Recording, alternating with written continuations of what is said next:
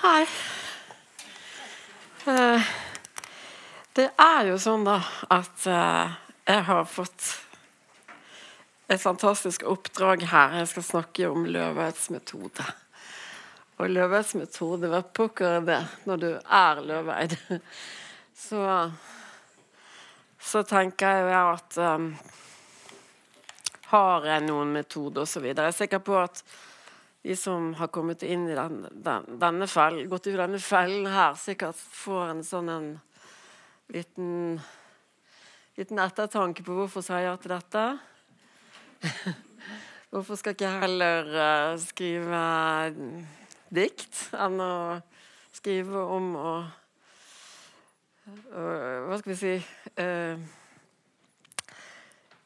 Altså late som om jeg kan lære dere noe det, det, det altså det, Gimmicken her er jo, er jo, at det er et slags kurs, ikke sant? Og eh, gimmicken er at jeg skal nå avlures min metode. Og det kan jo hende at jeg ikke er villig til å la meg avlure noe som helst.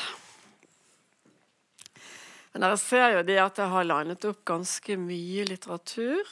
Relativt mye litteratur. Det, det er bare småtterier i forhold til hva jeg omgir meg med til daglig. Det er kraftig avhengig av stimulans. Ja. Da har jeg skrevet manus, men det er en kladd. Og her er kladden til kladden. det får jeg helt sikkert ikke brukt. Men uh, jeg prøvde å gjøre det litt sånn uh, vakkert, da. Med litt sånn barokk inntegning og så videre og så videre. Men det er også et håndskrevet manuskript med punkter og lister og sånne ting. Eh, siden vi nå snakker om metode, så, så er jo dette metoden du får et oppdrag. Altså Hvis du får et oppdrag, eller du gir deg selv et oppdrag Det, det, det, det er jo litt slightly different, men, men det er allikevel uh, litt same shit uansett. At du må liksom uh, klarere hva er det du skal. Så uh, jeg startet da med å skrive 'Løvets metode', og så skrev jeg A great thinker is capable of being in uncertainties, mysteries, doubts, without any irritable reaching after fact and reason. A great thinker is capable of being in uncertainties, mysteries, doubts, without any irritable reaching after fact and reason. Og er ikke det det motsatte av å liksom finne metode frem? Eller er det ikke det? Svaret er vel dobbelt. At det er på den ene side og på den andre side og på den tredje side, for å si det sånn. Uh, John Keats har altså sagt dette skal ha sagt dette her. Og for at det skal være skikkelig kjønnsbalanse, så har jeg skrevet med blyant 'Joy is in the surprise'. Og det er i McEwan. Så nå har gutta fått sitt, så skal jeg bare kjøre videre med damene. ja. ja. Ingen har vondt av litt ordning og rede. Eller noe enda, enda finere som kalles inspirasjon. Og helst skulle denne inspirasjonen vare riktig lenge f.eks. til neste dag. Og helst skulle man holde på, holde på et sultent humør. I realiteten har natten tatt enhver befatning du har hatt med en tanketråd, bort. De gode ideene er bare enda mer less. Less, tyngde, enda mer arbeid. Dag etter dag, enda mer arbeid. Usikkerhet, mysterier, mysteries, knuter, gåter tvil. Jeg er simpelthen nødt til å begynne å famle etter fakta og fornuft. Så her, her, her kommer vi jo til enhver som vil skrive sin Hva skal vi si Kommer rett inn i eh, Løvens hule, eller hva det heter for noe. Eh, at eh, man dras mellom disse ordnungmossene og dette at det skal, må flyte. Det må ta tid. Det må glemmes litt, og så må det opp igjen. og så, sånn. Imellom dette og de neste linjene falt det på en isglatt steinhelle. Hånden kunne ikke skrive. Likevel et notat. Og Dette skrev jeg altså inn i manuset etter at jeg hadde falt. Manuset er skrevet før jeg falt, men dette skrev jeg inn etterpå. Uh, hodet kan ikke tenke når hånden ikke kan skrive. Det var en erkjennelse. Smerten i hånden er større enn tanken i hodet. Fallet er fallet til Skriften. Det er vondt å ha vondt, tenker hånden, famler etter støtte. En vanlig metode for meg for å få frem tekst, er å lese helt alminnelig, altså lese i et eller annet. Ikke sant? Ta opp en bok og lese. Veldig spennende her om Ebba Hvitt-Brattstrøm. Ebba Hvitt-Brattstrøm har skrevet denne boken.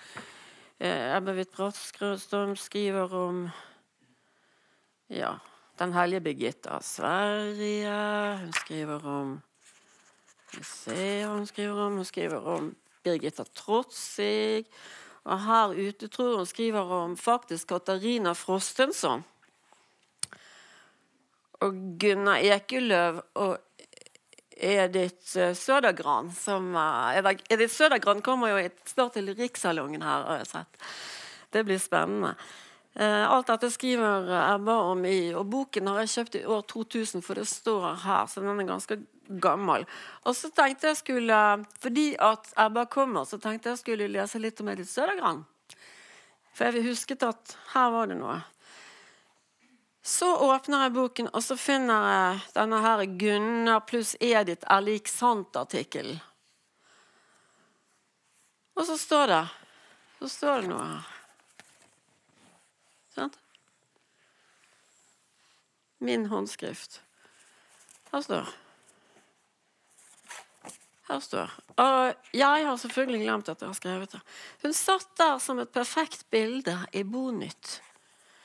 Jeg rammet henne inn og så det. Og visste Og visste hun det, så lot hun seg ikke merke av det. Derfor fortsatte bildet. Det duftet krydret. Og jeg går omkring og gjør forskjell på natt og dag. Ja, det er det det står her. Og jeg husker jo selvfølgelig ikke hva det har med Gunnar Ekeløv og Edith Sødergran Jeg går ut fra at jeg er kjent med disse navnene. ikke sant? Eh, Edith Sødergran. Hva de har, har, med saken å gjøre. Men um, det er faktisk en viktig del av uh, metoden min. Altså Hvis jeg får lov å bruke det uttrykket om, om, om måten jeg jobber på. For inni her så står det jo forskjellige ting. da. Her står 'kløvd egg og bie'. Det vet jeg at jeg har brukt i et dikt. Og at det handler om uh, sånn uh, mord. Sånn, sånn parteringsmord. Som også fant sted når jeg var liten jente her i Bergen. En Carl hva den het nå igjen? Karl Jakob Snitler, tror jeg han het. Og jenta het Rita. Og jeg kalte det kløv, kløvd egg og bie, og har glemt det igjen. Og Edith Søndergran hun snakker om stjerne, at, at det er stjerner som faller ned i bakgården. og og alle splintene til stjernen eh, stikker der under fotsålene. Jeg husker ikke helt, men det er et sånt dikt. Og her skriver jeg 'Stjerner faller over leka'. Ja vel. Det er ikke spesielt sprekt, men, men, men ante ikke at det sto der. Og, det, og, og det, kan, eh, det, kan, skje med meg. Jeg kan åpne en sånn her, så, så, så, er det akkurat som om det var en notatbok. Så det, det er en viktig ting at man alltid må ha noe å skrive på. Det er faktisk egentlig ganske genialt å skrive det steder hvor du gjemmer det og ikke finner det igjen noen gang. Hvis du så finner det, så så kan det være gull, altså. Kontekst husker jeg ikke, altså, men artikkelen av Ebba Hvitt Brattstrøm heter 'Modersobjektet og apokalyps' om Birgitta Trotsig. Om en bok som handler om en faktisk mors frånvaro, som det står. Uh, og så tror jeg ikke hun hun Karina Bedre Karina Er hun her? Karina Bederi her? Nei. Kan hun være glad for, for nå sier jeg at jeg, denne avdelingen heter 'Foran på skrivebordet'. For det, Karina Bedre skrev i Morgenbladet her for noen få dager siden, siste Morgenbladet, at hun håpet at Cecilie Løvens gjorde noe annet enn å ramse opp hva som var foran henne på skrivebordet. Så her er det altså en klokke med vann. Bare kaffe ja. ja. Denne innledningen tilegner jeg Karina Elisabeth Bedderi, som i en ellers nydelig og forventningsfull forhåndsopptale av dette foredraget var veldig redd for at jeg skulle gjøre det som jeg nå gjør. skrivebordet. Hun var redd for at jeg skulle være mer interessert i å beskrive skrivebordet enn skrivingen. Du får bare lukke ørene, Karina, for her kommer skrivebordet. Eller mer korrekt, noe som du sikkert heller ikke ønsker deg. Kvalene før jeg fant formen på foredraget. Og dette er kvalene fordi at her står det nemlig 'at dinner party'. Kjenner dere Judy Chicago sitt dinner party? Det er et, et stor keramisk, først og fremst, flislagt gulv. Et digert, trekantet bord hvor det er dekket opp. Eh, fantastiske tallerkener som viser kjønnet til den kvinnen som Altså bokstavelig talt. Eh, en, en um, midt i skrevet, rett og slett. Men det er altså formet så nydelig, og hver, hver, gjest har noe som er formet etter deres personlighet og karriere og sånne ting. ikke sant? Der er, der er både gudinner og store kunstnere og nonner og der er Ja. Det er helt fantastisk kunstverk.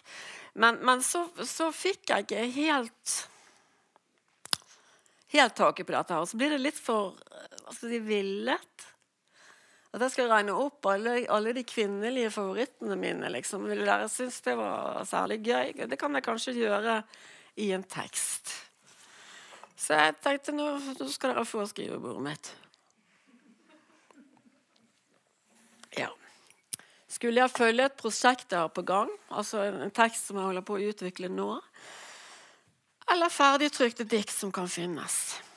Skal jeg forsøke å forstå hva som går for seg egentlig mens jeg skriver? Skulle jeg si at jeg ikke har noen metode? Det har jeg allerede sagt. Hvordan min metode fører til vellykkede resultater, vet jeg noe om det? Og alt som ligger i kjølvannet av ufullførte prosjekter, altså ikke mindre, altså mindre vellykkede resultater, snakker vi aldri om dem?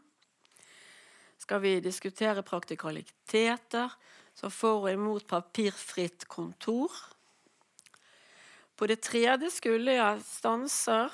Stanser jeg og vet ikke hvordan jeg skal komme videre. Metodisk. Jeg har vel en metode. Her kan jeg sitere. Jeg vet også at den, har ut, at den har jeg forsøkt å uteske mange ganger. For hvis jeg hadde min egen metodikk klart for meg, så ville det vel ikke ha vært så mange arbeidstimer arbeidstimer jeg ikke kan skrive timeliste på. Jeg kan jo forsøke. Se hva Cecilie gir meg i timelønn.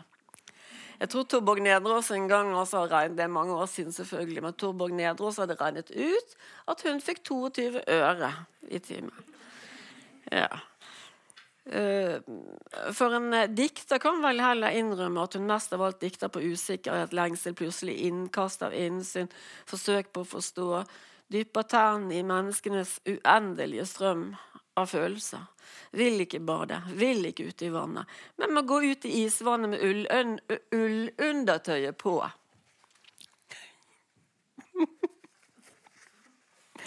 ja, det var noen som gjorde det en gang, nemlig.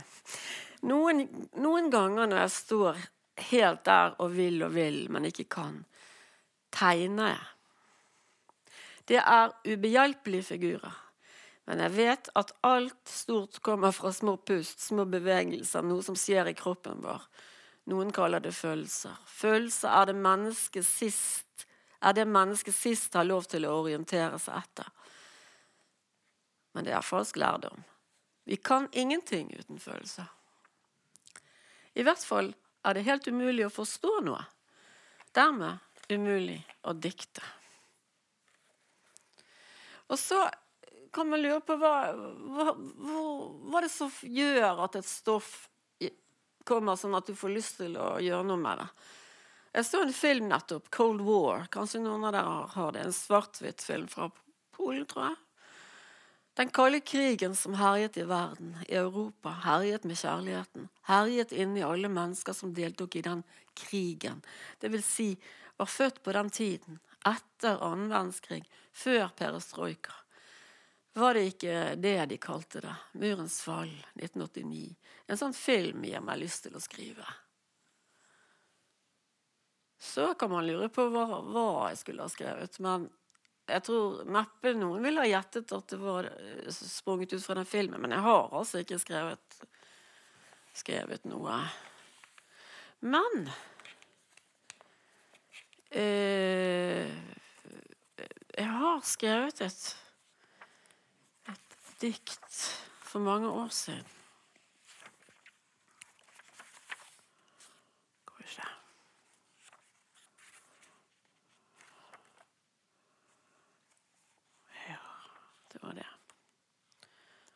Kanskje ikke der. Hmm. Det er ikke meg som har laget denne boken. Det er en, en antologi som en annen har satt sammen, så jeg er ikke kjent.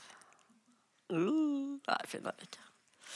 Det jeg skulle finne, det var, det var en politisk tekst hvor jeg snakker om hvordan eh, Chile under Pinochet var blitt et helvete for de som, uh, som støttet altså sosialismen.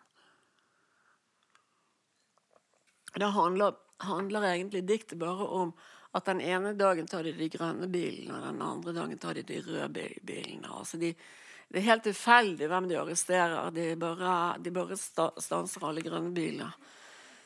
Uh, og da blir det poetisk. Altså Du kan ikke skrive et dikt som ikke er poetisk. Selv det som er hardest i negler, er jo poetisk på en eller annen effekt, et effektplan, i hvert fall. Jeg spør så Cecilie Løve var Cecilie Løves metode er, eller enklere. Hva er det du gjør? Hva er det du gjør for at en fornemmelse, en følelse, en idé skal kunne bli noe ferdig? Mer eller mindre ferdig og fungere. Hvem er mine hjelpere? Jeg har hjelpere. Hemmeligheten er at jeg har hjelpere. Jeg har veldig mange hjelpere. Altså det er lang, lang, lang, lang navneliste. Men min aller første leser, det er jo Bjørn Ågenes. Og så er det hans Det kan også være Torleif Grue, men en av de to er det. Og Torleif Grue hadde Kolon forlag før, startet det. Og Bjørn Ågenes har det nå. Og de snakker sammen så sant de har noe å snakke om, holdt jeg på å si. Uh, så det, det, kan jeg alltid stole på. Uh, hvis jeg skriver en tekst, har en deadline eller noe, så kan jeg bare sende teksten på e-post. Og så får jeg innenfor uh, normalerweise så får jeg svar samme dag. Jeg har ikke noe ventetid i det hele tatt. Uh, jeg, vet at det egentlig ikke går an å forlange det, men det, men det, men det er faktisk sånn det foregår. Så da kan jeg bli, bli veldig doven. Sende noe halvferdig, og så gjør, gjør, gjør, de det ferdig for meg. Ja. en redaktør elsker litteraturen og har en terapeutisk, terapeutisk effekt på forfatteren. En redaktør, uansett hvem, kan bare korrigere teksten i én retning. Det er jo da den andre siden av saken. Bare i én retning. Forsiktig sagt kan jeg si mer konvensjonelt. Altså, du får riktigere setninger, du får riktigere kommatering, du får riktigere punktummer, og du får fanta med utropstegn på kolon, til og med. Ikke fordi redaktøren ønsker en konvensjonell tekst. Redaktøren må bare ikke forveksle seg selv med forfatteren. Det, det, det går ikke. Forfatteren kan rote. Jeg roter veldig mye. Og spenning må eksistere mellom de to. Det er oppskriften. Altså Redaktøren må ikke ha en bestemt litteraturoppfatning eller trekke meg, eller, eller jeg kan ikke trekke han i noen retning. Uh, det, er, er veldig mye respekt, og der er utrolig lite snakk om innhold. Det er veldig viktig.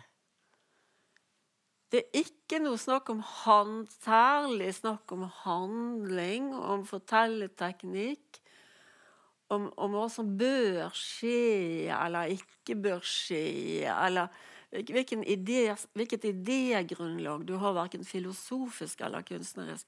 Veldig, veldig lite snakk om det, altså.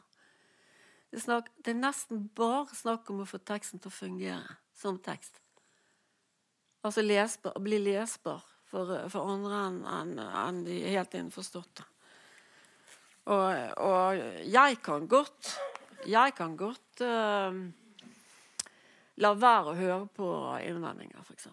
Og si at nei, det skal, stå feil. det skal stå feil. Det skal være sånn. Jeg har nettopp skrevet en setning om at i, i, hjemme i stuen i min barndom så, så ble det røykt rullings og koks. Og Da foreslo jo redaktøren at du skulle stryke koks, for du røyker ikke koks. Men hvis du, men hvis du lever i en stue med koksfyring, så kan det hende du inneholder litt koksstøv og koksrøyk og sånn også. Så det måtte stå.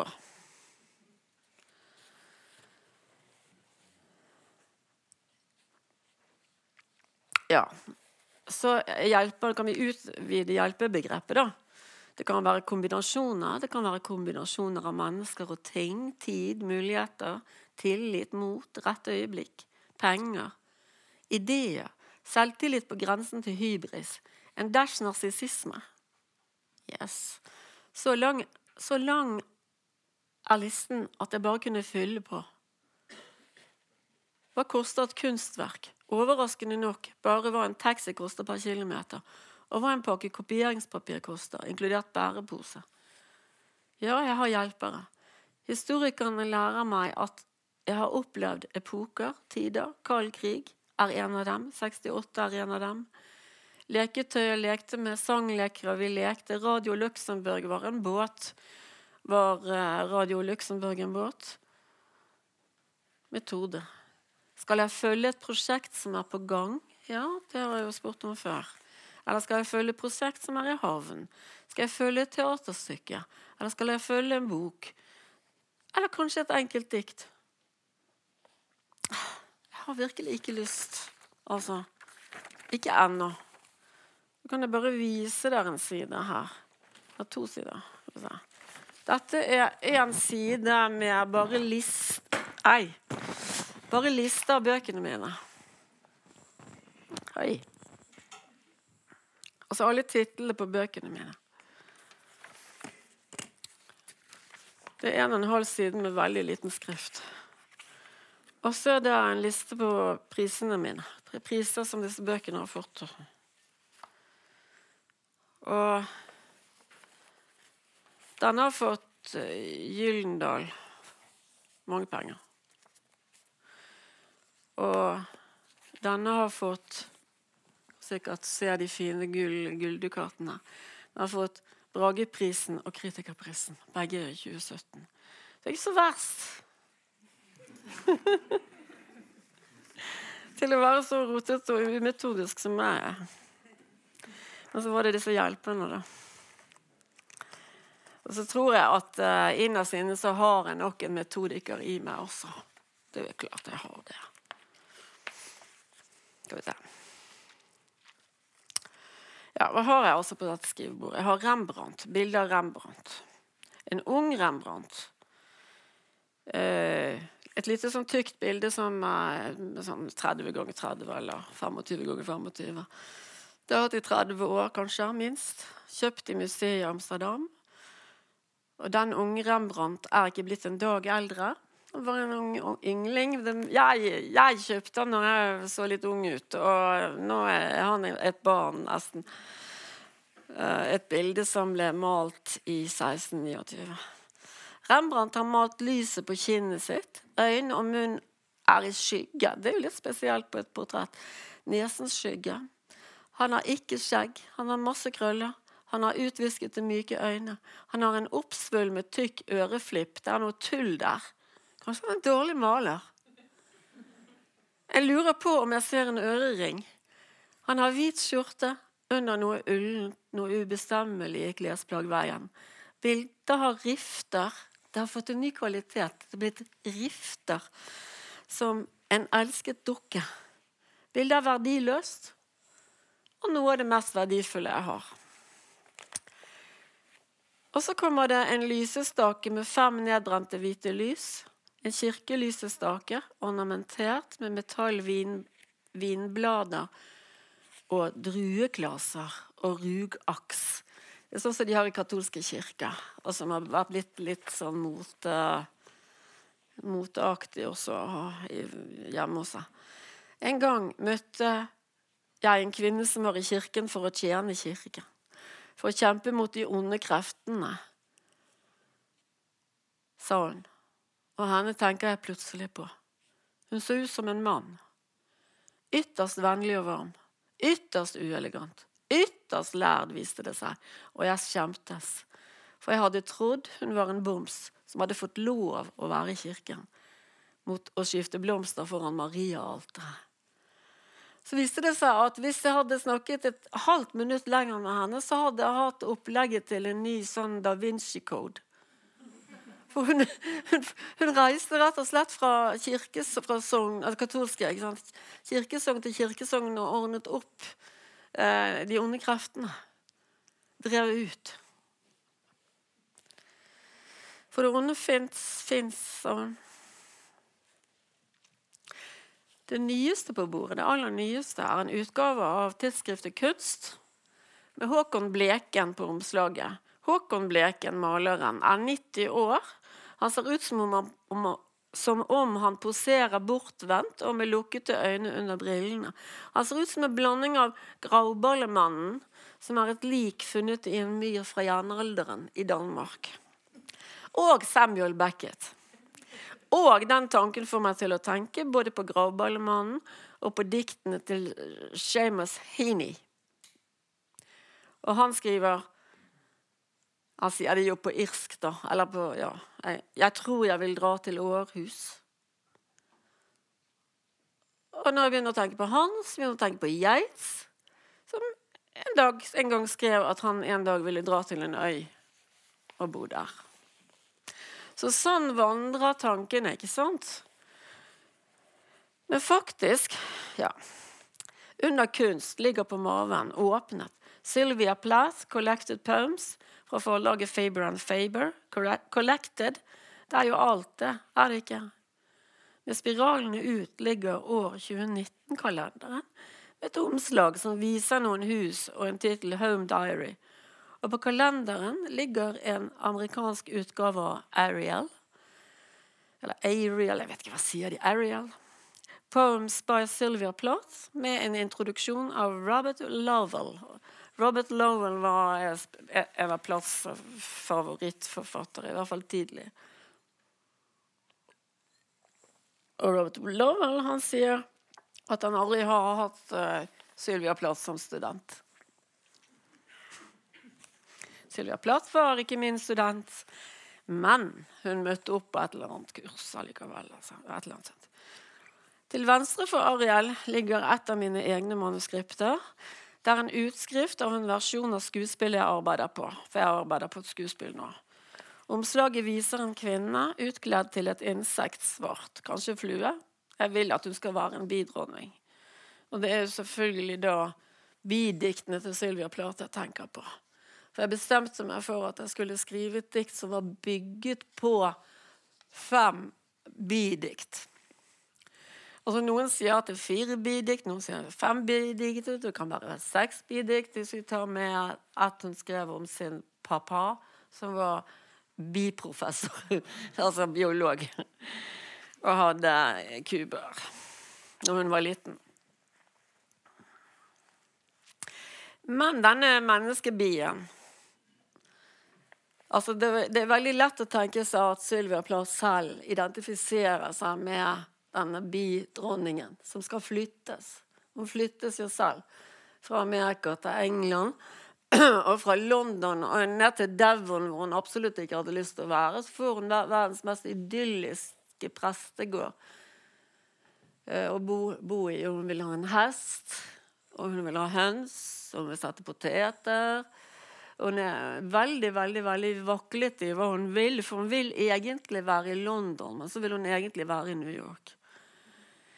Uh, men en gang i året så svermer jo disse byene. Det vil si at, at, at uh, bidronningen slipper løs fra kuben, eller hvis det er en naturlig by, da, så er det jo der hvor de har valgt å bo.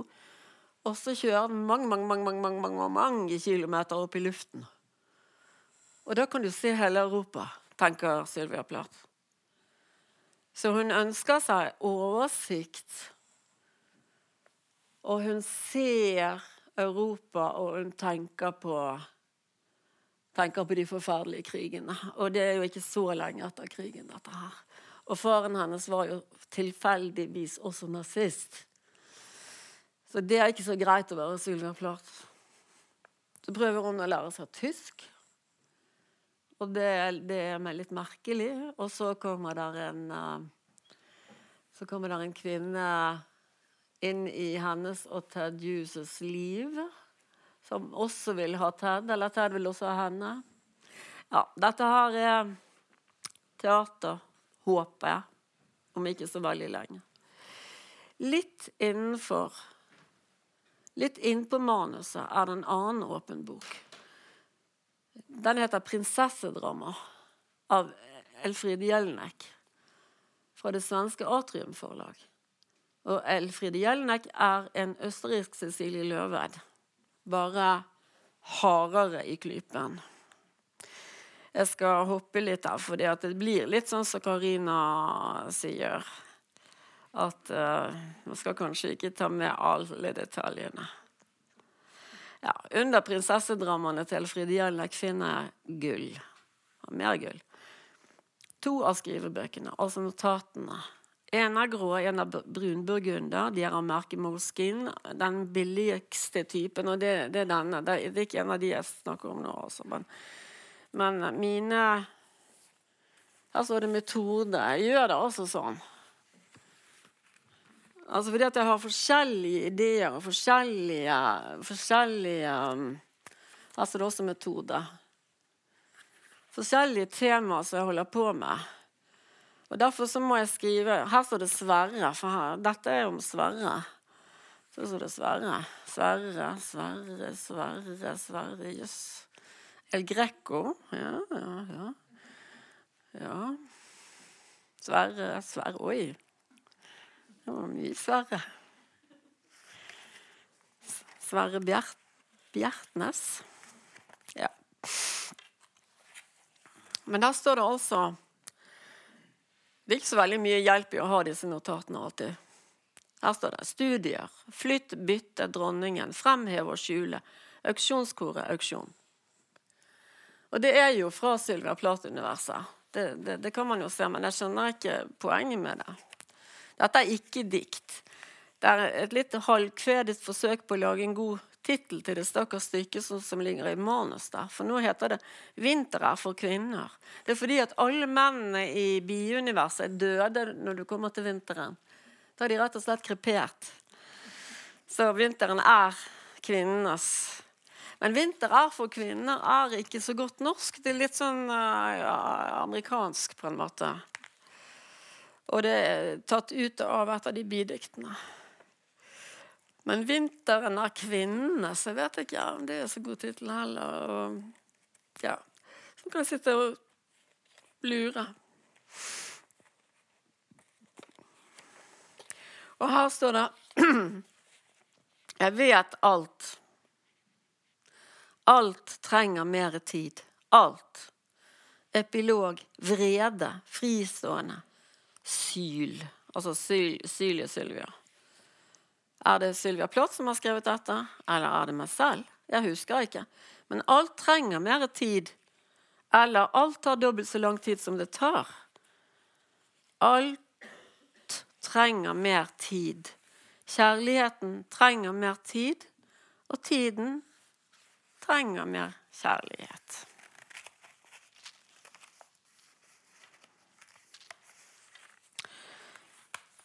Så, jeg, så skifter jeg litt gir. Eh, og kommer inn på en annen, annen våg som jeg ikke visste om. Altså ikke tallerkener med, ikke, ikke tallerkener med kvinne, kvinnelig forfatterskap, men men jeg, kunne, jeg, tenkte at jeg kunne rett og slett følge et kurs, altså et skrivekurs. Jeg luktet litt på Margaret Atwood sitt skrivekurs på nett.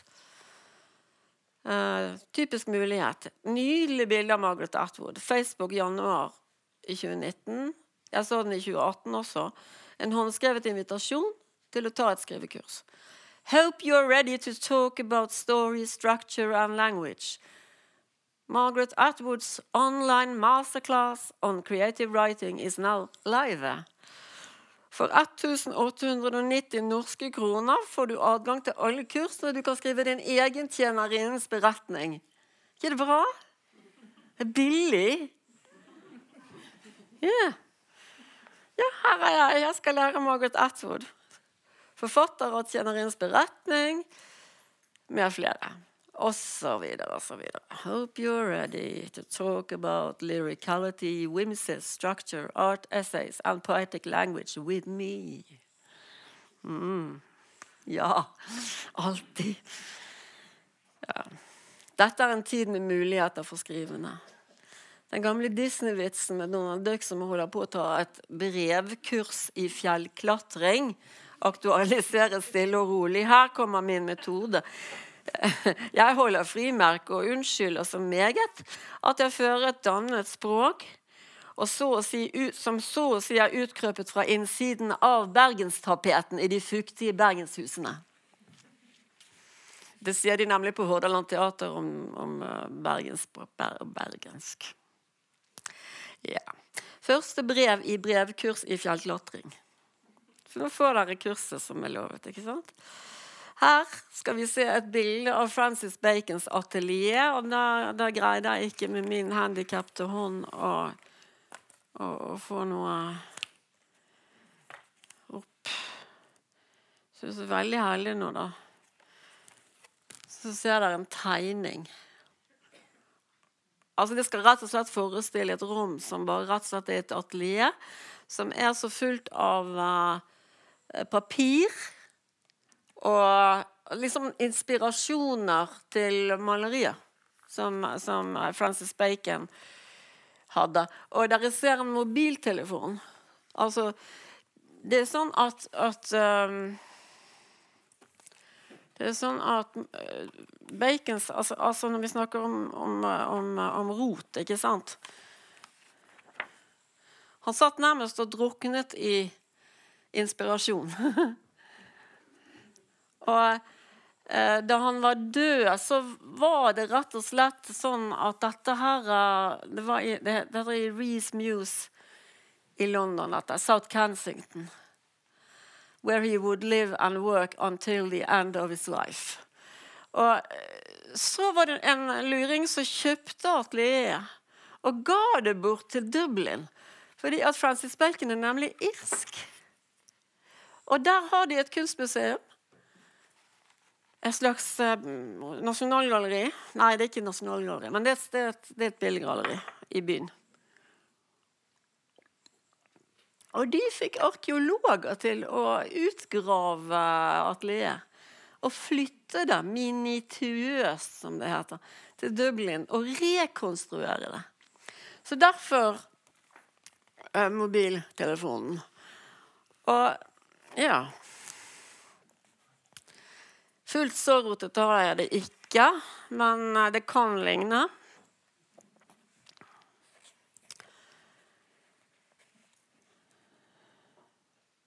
Ja. Løvets metode tillempet fra Skrivekunstakademiets regelbok, revidert januar 2019. Nå får dere høre hvordan det er på Skrivekunstakademiet. Hvordan når jeg Løvets metode, også kjent som Cecilie Løveid-metoden, er en metode for å finne nullpunkter for funksjoner og fiksjoner i diktekunst. Man finner ikke en eksakt løsning, men en tilnærmelsesverdi med så høy nøyaktighet som man ønsker. Før man begynner, må man regne ut den deriverte, det betyr fart, til funksjonen diktets flate. Metoden går ut på at man starter fra ett punkt i nærheten av et nullpunkt, og bruker dette punktet som poetisk tilnærmelsesverdi. Så finner man grafens poetiske tangent i punktet. Mm. I dette punktet, skal vi se, i punktet og bruker tangentens skjæringspunkt med den poetiske x-aksen som en ny tilnærmelsesverdi. Prosessen gjentas til man har fått ønsket nøyaktighet. Assosiasjonsprosessen resulterer i følgende rekursjonsformel, som er en såkalt løveidsk stabling. Og Her kommer det en stabling. Det er xn pluss 1 minus xn minus f. Klamme xn, slutt på klamme f. Rekursjon er i språkvitenskapen et syntaktisk fenomen som innebærer at to løveidske elementer kan kombineres til en ny løveisk enhet, som igjen kan kombineres med et annet element til en ny løveisk enhet. Og denne prosessen kan teoretisk sett foregå i det uendelige og skape en svært lang og hierarkisk struktur. Jeg vet ikke hva dette har med kvinnekunst å gjøre, men uh, sånn er det altså. Løveds metode virker ikke på alle lignelser. Vi skal se eksempel 1, hvordan Løved benytter kunst og kunstner til å frembringe dette løvedske kunstessayet. Eller som noen kaller det, kunstdiktet. Seneste utgivelsen vandreutstillinger er en vandring. Er det det? Er en vandring. Ja. På utstilling eller en utstilt vannraske. Eller ganske enkelt utstillinger som kan vandre viden i ved. Vandreutstillinger benytter denne løveidske ekfrasen. Ekkfrasen. Den løveidske ekkfrase fra gresk. Kanskje dere ikke orker dette her mer. Altså. Ja. Den betegner i retorikken et løvedikt eller noe diktlignende som beskriver et kunstverk, en kunstgjenstand eller et arkitektonisk vers. verk. Ja, vi hopper litt. Så skal vi på Francis Bacons atelier for å utdype temaet rot. Rot og røtter i kunsten. Var opprinnelig i London. Dette, alt dette har jeg fortalt. I Dublin er jeg uten kamera. Men arkeologer har allerede nøye registrert Bacons saker blad for blad. Alt rotet er katalogisert. Man kan følge og avlese detaljer på skjermer. Gå inn, gå ut. Da jeg var i Dublin i november, var Bacons atelier det beste tilfluktsstedet. Litt av samme stemning som nede i egyptiske gravkamre.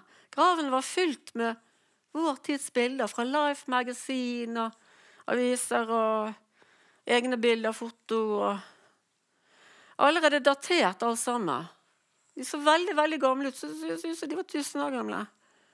Tiden er stanset. Så vakkert dette. Men hva skulle jeg kunne si om det som ikke alle kunne sagt? Det var en dårlig setning. Men hva skulle jeg kunne si om det som ikke alle kunne si? Altså, hvordan skal man si noe om dette som ikke alle kunne si? Det er poenget. Du er nødt til å arbeide så lenge at du er helt bombesikker på at ingen andre kunne sagt det. Jeg har aldri tenkt den tanken før, men den kom, den kom her mens jeg skrev. Hva skal jeg si om mor? Om mor, som ikke alle kunne sagt. Det blir vanskeligere nå. Gjentar du dette en gang til, faller alt på gulvet som du har tenkt å si den neste timen. Ja. Til Frances Bacons atelier, som det ennå ikke er noen tekst skrevet om, ikke av meg, skulle jeg lage en tekst, måtte jeg først kjenne mye, helst alt om mulig, om Francis Bacons liv og verk. Jeg har allerede snoket en masse. Jeg har sett på bildene, lest kunstformidler og biografers skrifter. Jeg har sett en film, en veldig sterk, bra film, anbefaler jeg, ligger på YouTube. Veldig sterk film som, til, som knytter Francis Bacon til det merkelige landet som heter stall, hester og misbruk. Seksuelt forhold til føreren. Jeg må altså gå tilbake til disse kildene. Farlig med bare én kilde. Farlig å ikke ha noen personlig tilknytning på en eller annen måte. Og hvordan skal en original idé komme? Nå har det gått noen minutter. Ja Jeg har tenkt litt siden sist. Jeg har vært i atelieret. I det konserverte atelieret. Man kommer inn og går gjennom i et gammel, gammeldags uh, kunstmuseum, sånn Nasjonalgalleriet, med franske bilder med irske malere, før en tung glassdør åpner seg til krypten. Den er tung og elektronisk på samme tid. Svosj, så er man i krypten til Francis Bacon. Ikke liket. Klippene hans. Males, malingssøl og bukser og sånn. Men jeg har ikke noe spesielt å fortelle i betydningen spesielt. Og så utvikla jeg dette, da. Men det må vi ta en annen gang, for nå nå er faktisk begynner klokken å nærme seg litt grann, Ja. Litt grann fullbrakt tid. Så jeg tenkte jeg skulle lese litt, grann, bare litt grann fra denne. Og så håper jeg dere har notert veldig masse spørsmål.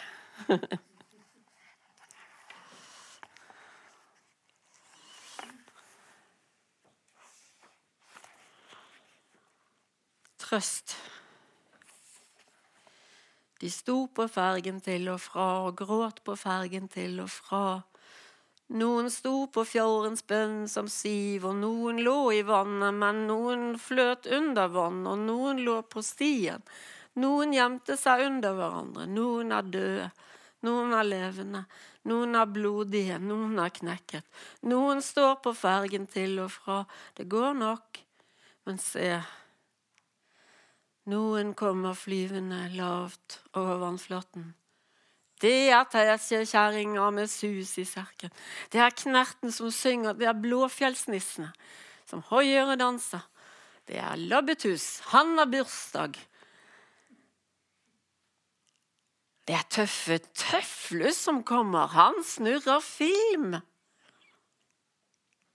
Der kommer Klatremus Lillemann. Han har egne striper og gitar. Og der kommer Karsten og Petra.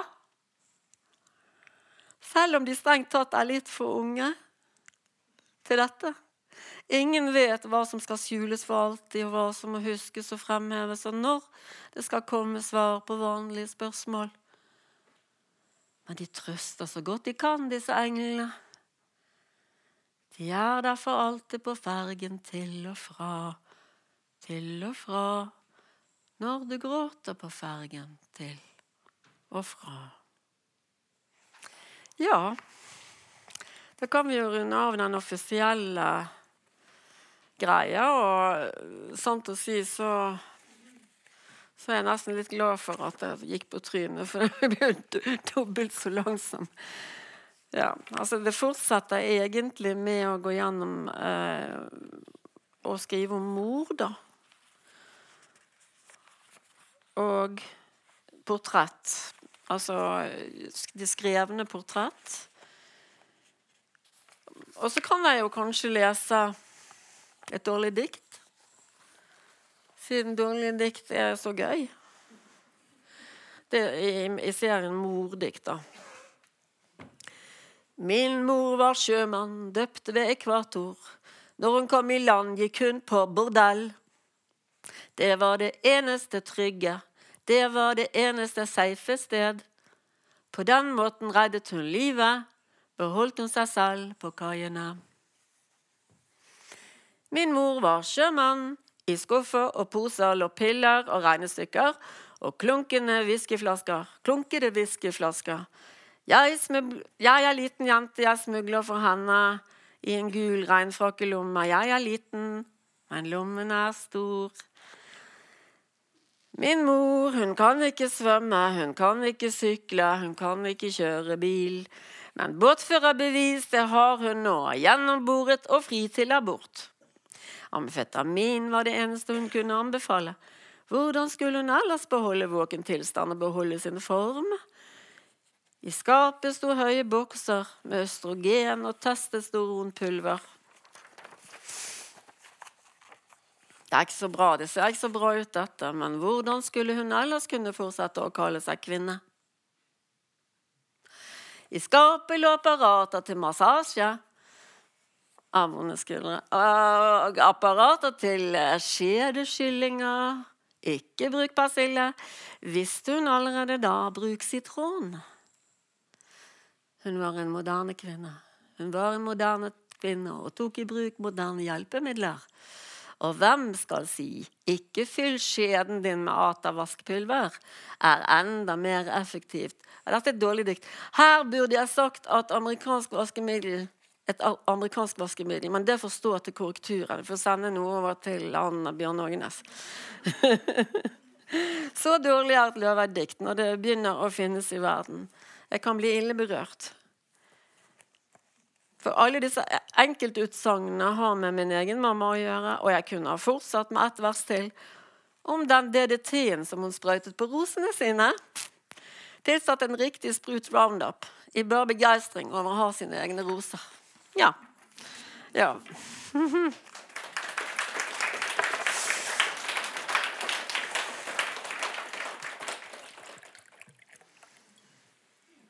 Jeg blitt å skjenke med venstre hånd, til og med. Ja. Jeg hadde også egentlig tenkt å tipse dere om, om bøker om forfatterskapet. Men jeg kunne ikke dra med alle bøkene hit. Men Wenche Larsen har jo en ph.d., ph.d., om teaterstykkene mine. Og Ja, denne boken som også har med her. Den er jo full av analyser og artikler. Erik Vassenden har skrevet. og han er tønder så sitter her et eller annet sted og skrevet. Um, Øyvind Berg har skrevet, Wenche Larsen har skrevet. Den har jeg i hvert fall sett nede på, ned på boksalongen. Det er ikke sikkert den er der lenger nå. Ja. Jo, og så var det hun uh, Stakkars, stakkars Torunn Borge har skrevet en veldig fin analyse. Hva faen er den, den, Hva heter den? Torunn Borge har gått ut av tiden, men hennes artikkel om spilt, altså om min første på 00-tallet Mitt første barn ja. Så det, den, den er litt, liksom litt bortgjemt inni en antologi. Hva er her? Skal vi se. Her var den. Ja. På tur i bilder. Cecilie Løveid Spilt. 'Vinduet', nettutgaven 2002. Tips. Det er veldig bra. Lesning av spilt. Og de fem bøkene som ble gitt ut før 2013, det finnes i denne. Og dikt som er skrevet før det, det holder vi på å gi ut nå i vår. skal jeg bare skynde meg å si. Og jeg holder på med en ny bok som på sett og vis er i slekt med, med vandreutstillinga. Men den, denne gangen så vil det antagelig være mest om én kunstner. Det er en nyvri, da. Hele boken, altså. Og det er spennende. Og man kan holde troen litt lenger. Si litt, være litt grundigere.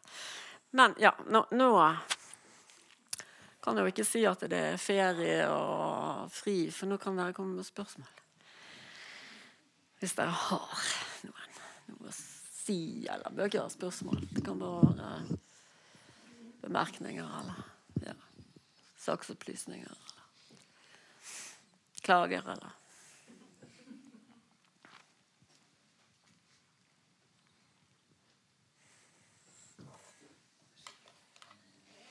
hm? PC? Hva med det? For, jeg tror det var effektivt for en uh, Hvis du snakker om produktivitet og tjene penger og sånn. Ja, altså, jeg har hatt Mac siden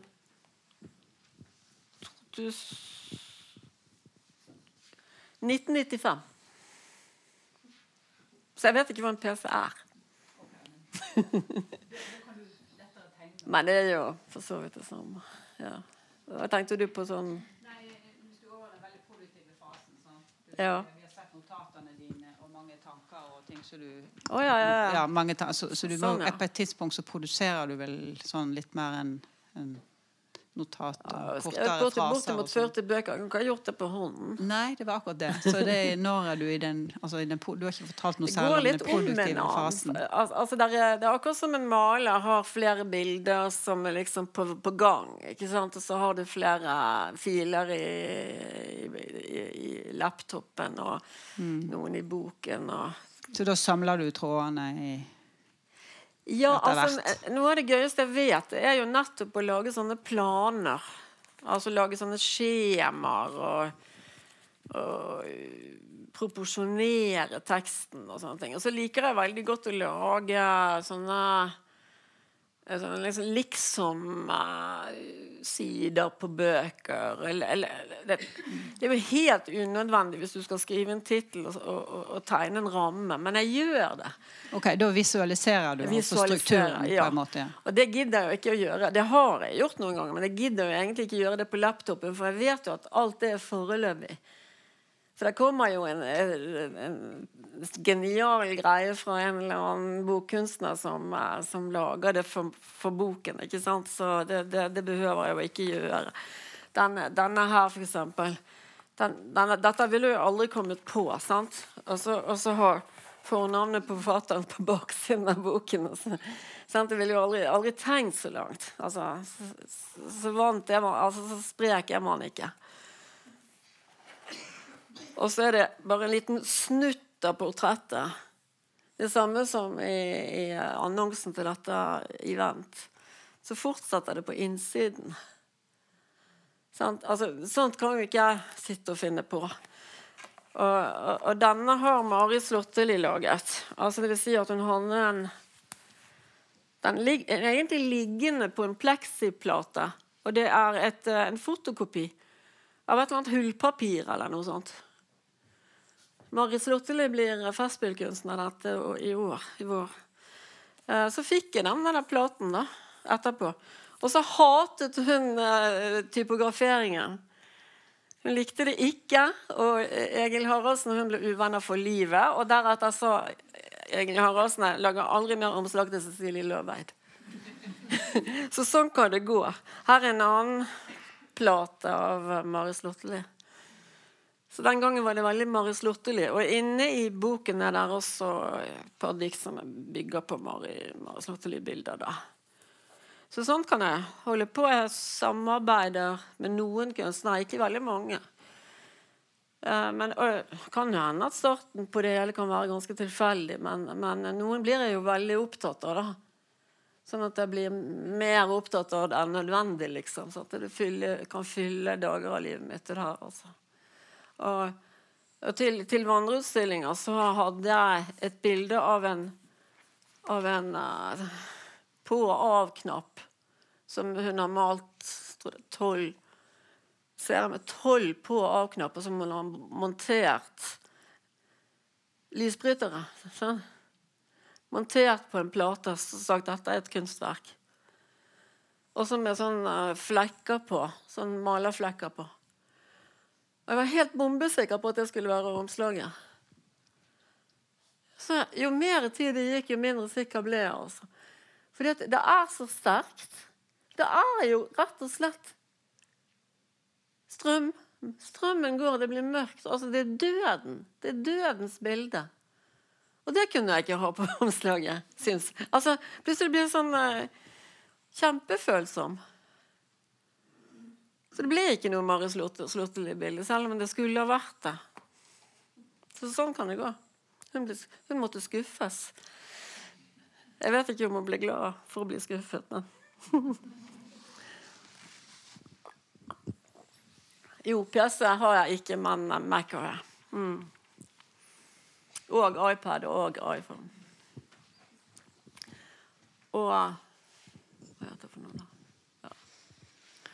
Skriveprogrammer. Forskjellige skriveprogrammer. Jeg lurer litt på um, om du klarer å beskrive altså, hva, hva, som skjer når du Altså når, når, du jobber med et Eller jobber frem et dikt, sant? Ja. Uh, det har jeg jo forsøkt å touche, da, men det blir ja. jo bare touching. For ja. det, er jo bare øyeblikk som er forbi. Så det, er jo helt umulig å huske. Men, men jeg tenker sånn Altså på et eller annet tidspunkt så får du kanskje en, en sånn følelse av Der satt han! Altså, jeg får Ja, ja jeg, jeg, har uh, ofte tenkt på det på den måten at jeg har uh, noen store ideer, og så har jeg noen små ideer. Altså, jeg har no, For eksempel, jeg skal skrive et, et, teaterstykke om Sylvia Plath, og det skal være om de, de bidiktene. Det går ikke an å glemme. Altså, Du kan legge det til side i 20 år, men du, det går ikke an å glemme det. altså. Men, men en liten idé er da kanskje en, kanskje en, setning. Det er helt umulig å huske. Spesielt de veldig gode setningene er helt umulig å huske. Fordi at de er så spesielle at du kan ikke huske dem. Det går ikke an. Og de kommer jo gjerne når du står i dusjen eller sånn når du våkner om morgenen. Eller, så er bare sånn, da er det jo bare å skrive det. Alt som ikke er skrevet ned, det er vekk. Eh, så er det jo underveis i diktet så kan man bli veldig, veldig uh, Veldig, veldig besatt. Så kanskje man overarbeider, f.eks. Man kan ødelegge man kan ødelegge et fint dikt med å overarbeide det. Men da går det jo an å gå tilbake, selvfølgelig, hvis man er klar over det. da. Men, men, men det, altså kritikk, kritikken, selvkritikken slutter aldri. så Dikt blir aldri ferdig, egentlig. Og så er det jo, er det jo veldig mange dikt. da. Altså bare, bare, bare dikt som handler om billedkunst, eller i hvert fall har tatt utgangspunkt i billedkunst, det er 100, sikkert 100 dikt minst. altså. Pluss at jeg har skrevet teaterstykker også. Som har med kunstner å gjøre. Eh, men akkurat hva som skjer, da må jeg liksom nesten spørre tilbake. Hva tenker du når du spør? Altså, Hva er det du spør om egentlig? Skriver ja. du selv? Eh, ja. ja. Um, nei, jeg er vel eh, kanskje egentlig bare nysgjerrig på den der eh, Altså ak akkurat det som jeg sa. Altså Der! Der satt han. Altså hva, altså, hva, hva, er det som skjer der? Altså, jeg ser for meg at eh, noen ganger så kan du kanskje har jobbet i dagevis, ukevis, månedsvis. Og så plutselig så er det et eller annet forløsende som skjer. Eh, altså, ja. eh, det er litt den der eh, Nei, jeg, jeg, vet kanskje ikke helt hva jeg spør om. det, det, som prøvde å komme inn på når jeg begynte å snakke om Francis Bacon det, der at det fascinerer meg veldig eh, nummer A, altså at det er så utrolig gravkammeraktig. Altså det der atelieret er rett og slett Fy faen, altså. Og han har stått der nede i mange tiår og malt. Han har ikke bare vært der, selvfølgelig, men han, han, han, han prøvde seg på bedre atelier. Men det var ingenting som kunne måle seg med dette her, det dritt, drittete kjellerlokalet. Men så har de flyttet det til Dublin. Og, og, de har laget en kunstig sånn trapp. Du kan ikke gå nedover den, men du kan se. For det er ikke noe under der. Det er bare laget en fake trapp. altså. det er, der er sånn glassplate over. Og så kan du gå inn i atelieret, men det kan du ikke, for det der er sånn pleksiglass. Så du, du, går liksom inn i en liten korridor. Hvor du kan stå inn i atelieret, men du kan ikke gå rundt og rote. altså. Og så er det skjermer hvor uh, forskjellige nærbilder av de forskjellige tingene i atelieret ligger. Og så har jeg veldig lyst til å skrive om det. Men hva, hva, er det egentlig det handler om? Det er det jeg må finne ut. Jeg er veldig tent på dette som ideer, som fortelling. Eh, men, eh, men eh, hva er det som er Hva er det som er Kall det løvesk, da. Altså, det er jo ikke Det er jo bacon, sant? Er bacon som altså, Er det det at det er flyttet?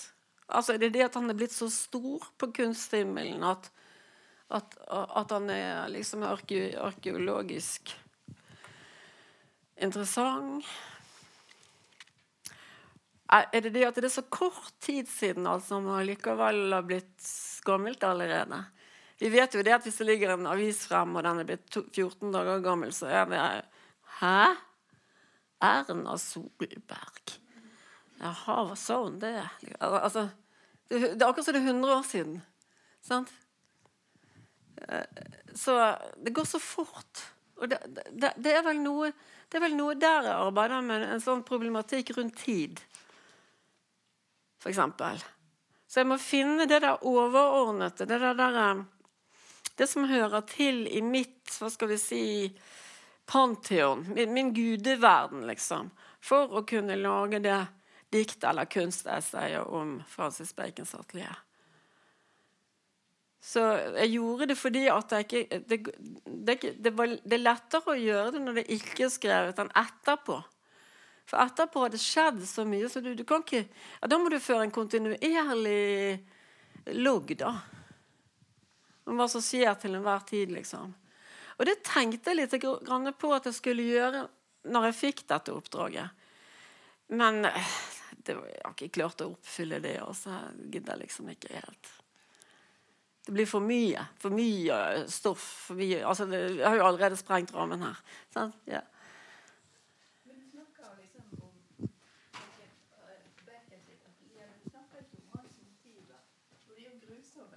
Død og avrevne ja, ja. armer. Men det snakker du liksom jo, ikke om. Men det som Nei, jeg snakker ikke om det nå her. Nei. For nå snakket jeg bare om, om hva skal jeg si, premissene.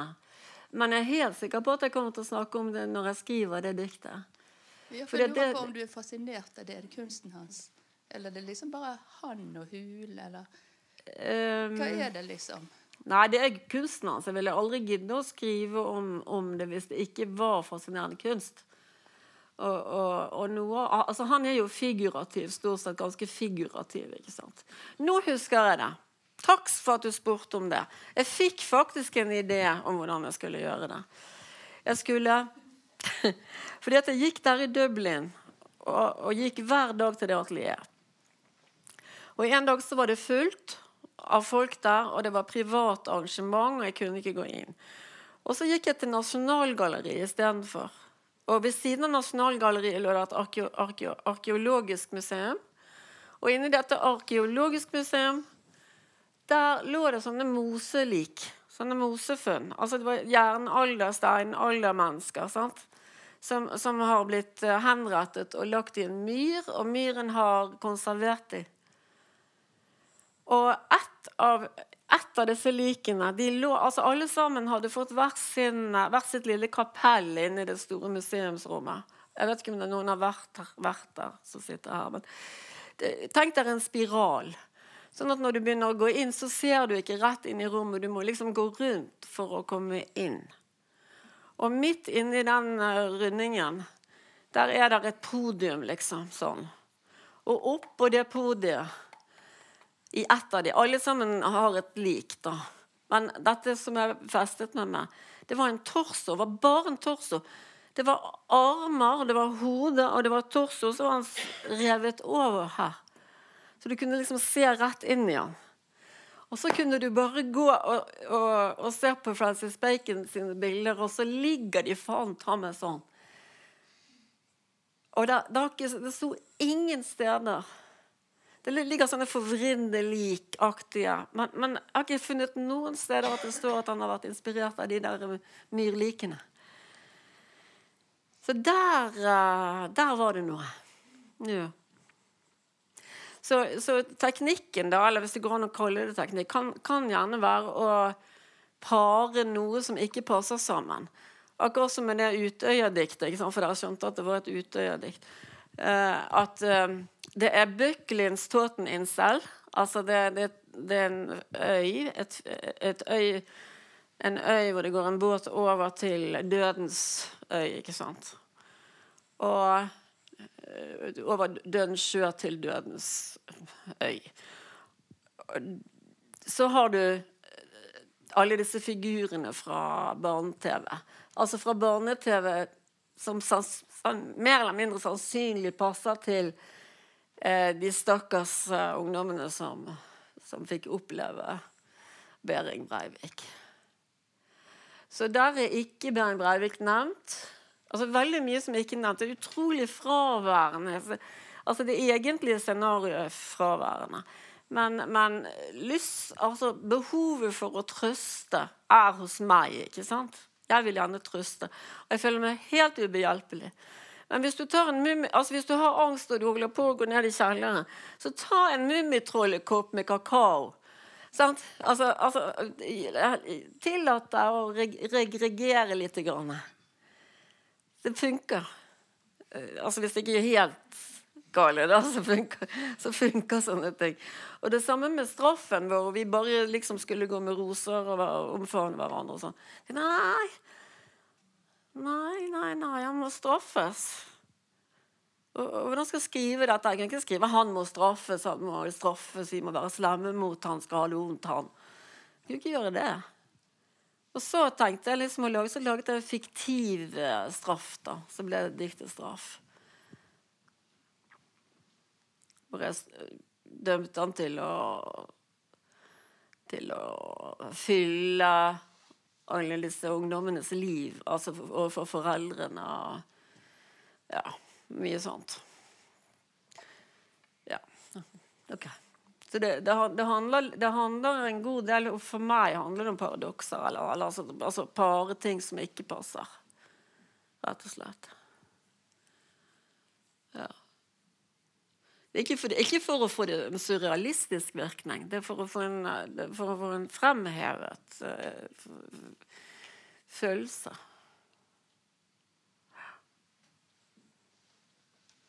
nokså ferdig med det der surrealistiske sånn, sånn, i seg selv. Jeg er heller ikke veldig opptatt av Freud og sånne ting. Så det har liksom passert Altså, det, det, det er med, men det, men, men det, er ikke, det er ikke noe som jeg er så opptatt av. Men den poetiske, paradoksale effekten er jeg opptatt av, Også. Og den tror jeg også kommer litt fra teater. Altså for teater er jo altfor størret og for jugent og sånn for å få frem en, frem en uh, effekt. Det, det, det, er jo kunst, dette. Alt er kunstig. Ja.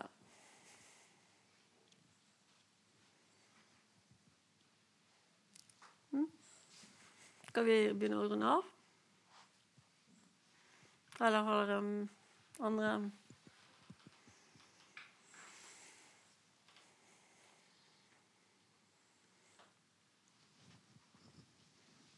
Ja.